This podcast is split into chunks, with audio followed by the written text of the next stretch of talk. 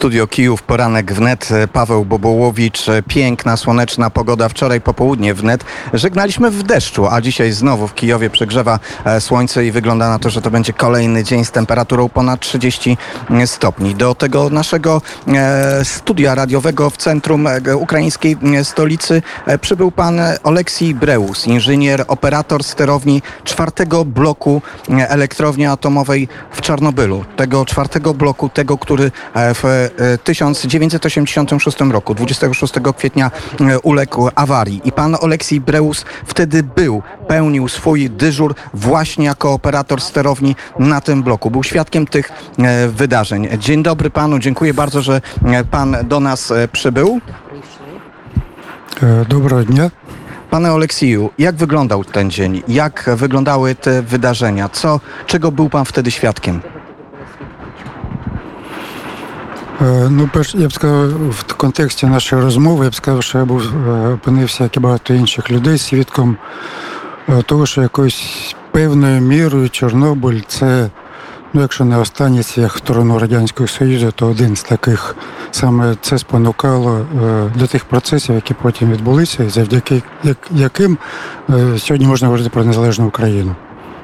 E, I e, chciałbym nawiązać do kontekstu. Byłem świadkiem e, tego, co stało się w Czarnobylu, a jednocześnie tego, co było ostatnim gwoździem w trumnę Związku Radzieckiego i w ostateczności to właśnie przyczyniło się do powstania obecnej niezależnej Ukrainy. Перед Чорнобилем була так звана Горбачовська перебудова, перестройка, були намагання реанімувати Радянський Союз, але саме Чорнобиль він перекреслив усі ці наміри, показав, що так звана гласність це ніщо. Насправді цього нічого немає, і Чорнобиль якраз дуже багато було секретів незважаючи на гласність, відкритість, Чорнобиль показав, що ця режим секретності надзвичайно недолугий, недоречний. Він зберігається, власне недоречні секрети були однією з причиною Чорнобиля. I przed Czarnobylem zaczęła się perestrojka prowadzona przez byłego sekretarza Partii Komunistycznej Związku Radzieckiego Gorbaczowa i była próba reanimowania Związku Radzieckiego, a właśnie Czarnobyl pokazał, że cała ta otwartość i mówienie o wszystkim otwarcie to, to, to nic, tego nie istnieje, bo były takie tajne sekrety, które właśnie były nie na miejscu, które przeszkadzały i to właśnie pokazał Czarnobyl. Не говорячи вже про ті колосальні фінансові збитки, які завдала Чорнобильська катастрофа Радянському Союзу, який би він не був могутній, це було важко витримати. Він, звичайно, похитнувся внаслідок цього також. I już nie mówiąc o tych stratach finansowych, nawet pamiętając, że Związek Radziecki był wówczas mocny, ale nawet ten, to państwo nie było w stanie podnieść się, zachwiało się po prostu pod ciężarem kosztów. Doskonale wiemy o tym, że e, Czarnobyl, ta awaria w 1986 roku nie była jedyną awarią, poprzedziło i cały szereg awarii. E, zresztą e, służby sowieckie informowały władze polityczne, że elektrownia w Czarnobylu jest niebezpieczna, że oddanie jej w eksploatację w tempie politycznym, a nie ekonomicznym spowodowało wiele różnego rodzaju błędów. Świadczą o tym raporty KGB. Elektrownia wiadomo, że mogła w każdej chwili zagrozić awarią, ale tego dnia, co się wtedy wydarzyło? Wydarzyło? Czego był pan świadkiem tego dnia? Są różne wersje, różne e, opowieści mówiące o tym, że była to awaria, że był to przypadek, że było to celowe działanie, e, które e, miało być pewnego rodzaju testem, że był to być może też test o charakterze wojskowym. Pan tam był, pan to widział. Co się tam wydarzyło? Так, звичайно, Чорнобильські аварії передували інші, м'яко кажучи, не гаразди в атомній енергетиці. У 82-му році на тій же Чорнобильській було пошкодження одного з реакторів з викидом радіоактивності, коли засипали піском, міняли асфальт в місті в Прип'яті. В 75-му році була велика аварія на Ленінградській АЕС, була ядерна катастрофа на Уралі ще раніше, такого ж масштабу, мабуть, як і Чорнобильська АЕС, яку замовчували. І тільки в 90-ті роки це було відкрито. Бу- Була низка е, таких аварій. Звичайно, це не на порожньому місці виникло. E, I e, rzeczywiście e, tutaj należy pamiętać, że jeszcze wcześniej, w 1982 roku, było uszkodzenie reaktora, nawet zamieniało no, całkowicie asfalt w mieście Prypieć. W 1985 roku była awaria na elektrowni w Leningradzie, jeszcze wcześniej na Urale, ale wszystko to było w milczeniu. Dopiero w 90 e, latach o tym wszystkim zaczęto mówić. Jasne, że ta awaria nie była na pustym miejscu. Що стосується безпосередньо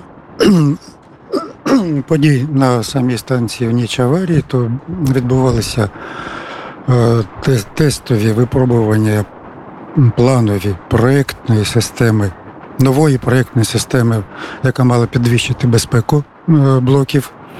Тобто це не була якась там самодіяльність. Система була спроєктована, змонтована. От нарешті надійшов час її випробувати. випробувати. Саме під час цих випробувань сталася аварія.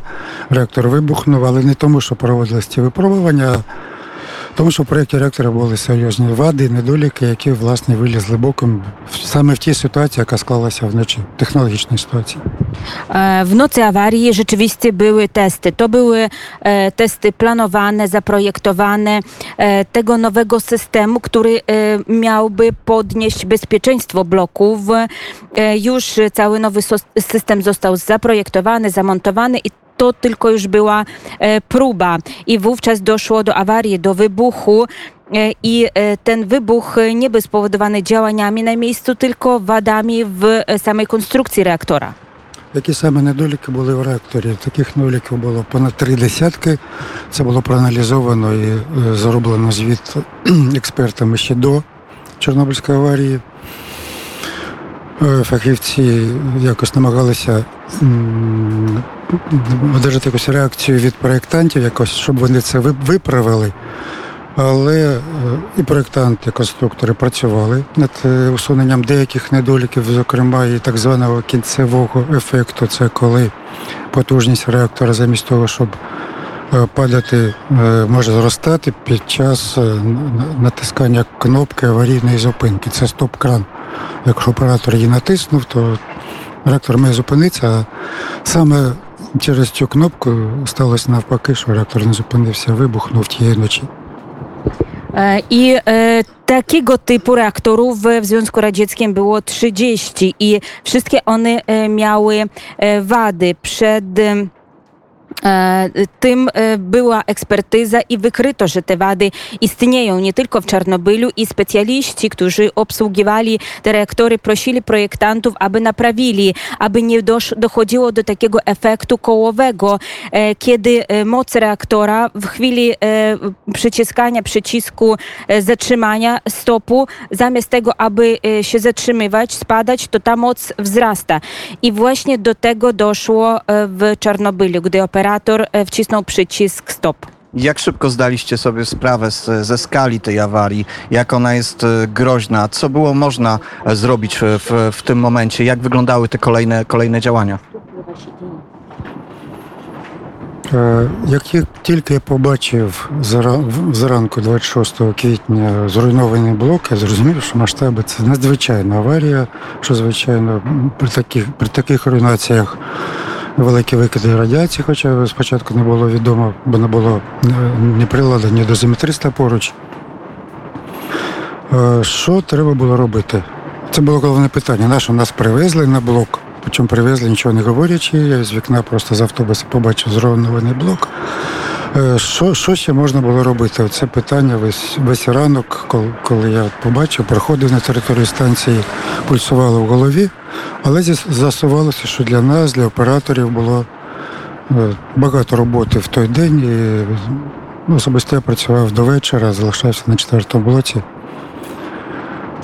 E, Co było e, w momencie awarii? Rano 26, jak przybyliśmy na e, elektrownię, no to zobaczyliśmy, że bloki są zrujnowane i zrozumieliśmy wówczas, że skala jest nieprzyczętna, nadzwyczajna, że doszło do emisji radiacji i nawet bez żadnych pomiarów było jasne, że e, poziom radiacji jest wysoki. Wtedy cały czas pytaliśmy siebie, co możemy zrobić e, w tej strasznej sytuacji, e, jak możemy pomóc, ale okazało się, że dla nas, dla operatorów bardzo było wiele do zrobienia. Pracowaliśmy cały dzień i całą noc do rana.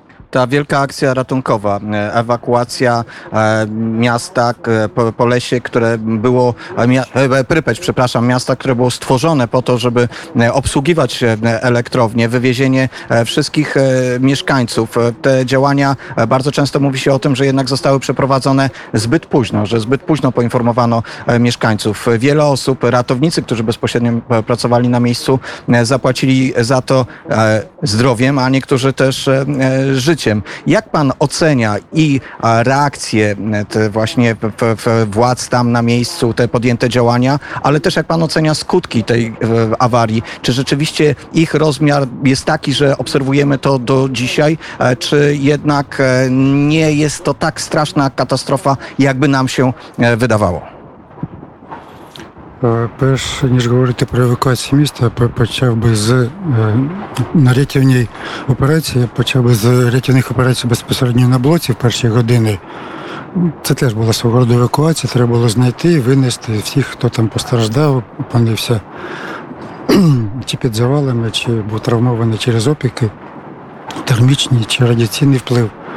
Всіх людей знайшли, винесли. Це про те, що чим доводилось займатися оператором. Винесли всіх, крім однієї людини. Один залишився десь під уламками четвертого блоку, так він там і залишається. Друге завдання було це гасити вогонь разом з пожежними чи без пожежників. Е, Потім е, було завдання.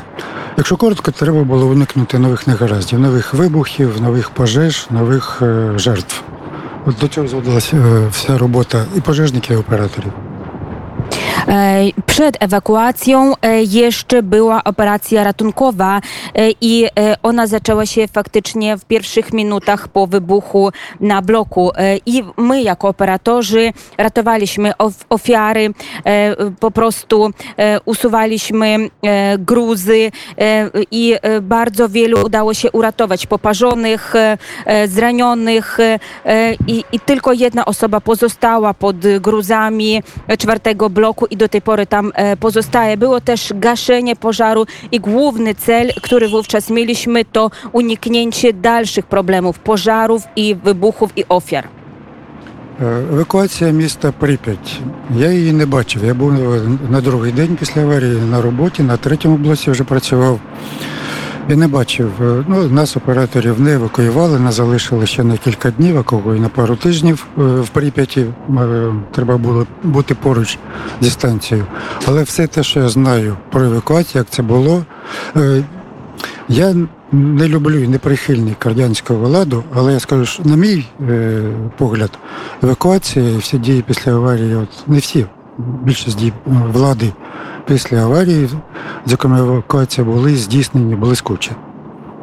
E, I jeśli chodzi o ewakuację, to bezpośrednio tego nie wiedziałam, bo na drugi dzień już byłem na trzecim bloku. Operatorzy pozostawali przez kolejne dni, tygodnie na elektrowni. E, Nie lubię władzy radzieckiej, ale moim zdaniem e, ewakuacja i wszelkie działania związane z ewakuacją zostały wykonane przez ówczesne władze po prostu doskonale. Panie Oleksiju, czy wraca pan do Czarnobyla? Jeździ pan tam na to miejsce? Jeździ pan do strefy?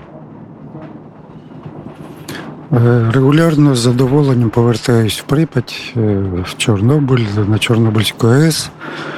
Е, Не так часто, кілька разів на рік це відбувається з, з, з різною метою. Дуже багато довго я їздив туди як журналіст, працював журналістом.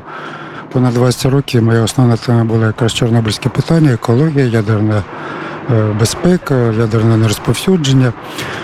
Е, Як журналіст, як художник, з туристами, певною мірою як живий експонат. Е, Це мені завжди цікаво і важливо. Ну, Я задоволений кожного разу, що зберігається інтерес до цієї теми. E, I rzeczywiście regularnie bywam w Prypeci, na elektrowni w Czarnobylu. Kilka razy w roku tam byłam w różnych e, celach e, i te, przez te 20 lat pracowałam jako dziennikarz, pisząc o tematach ekologicznych, o bezpieczeństwie jądrowym, o Czarnobylu.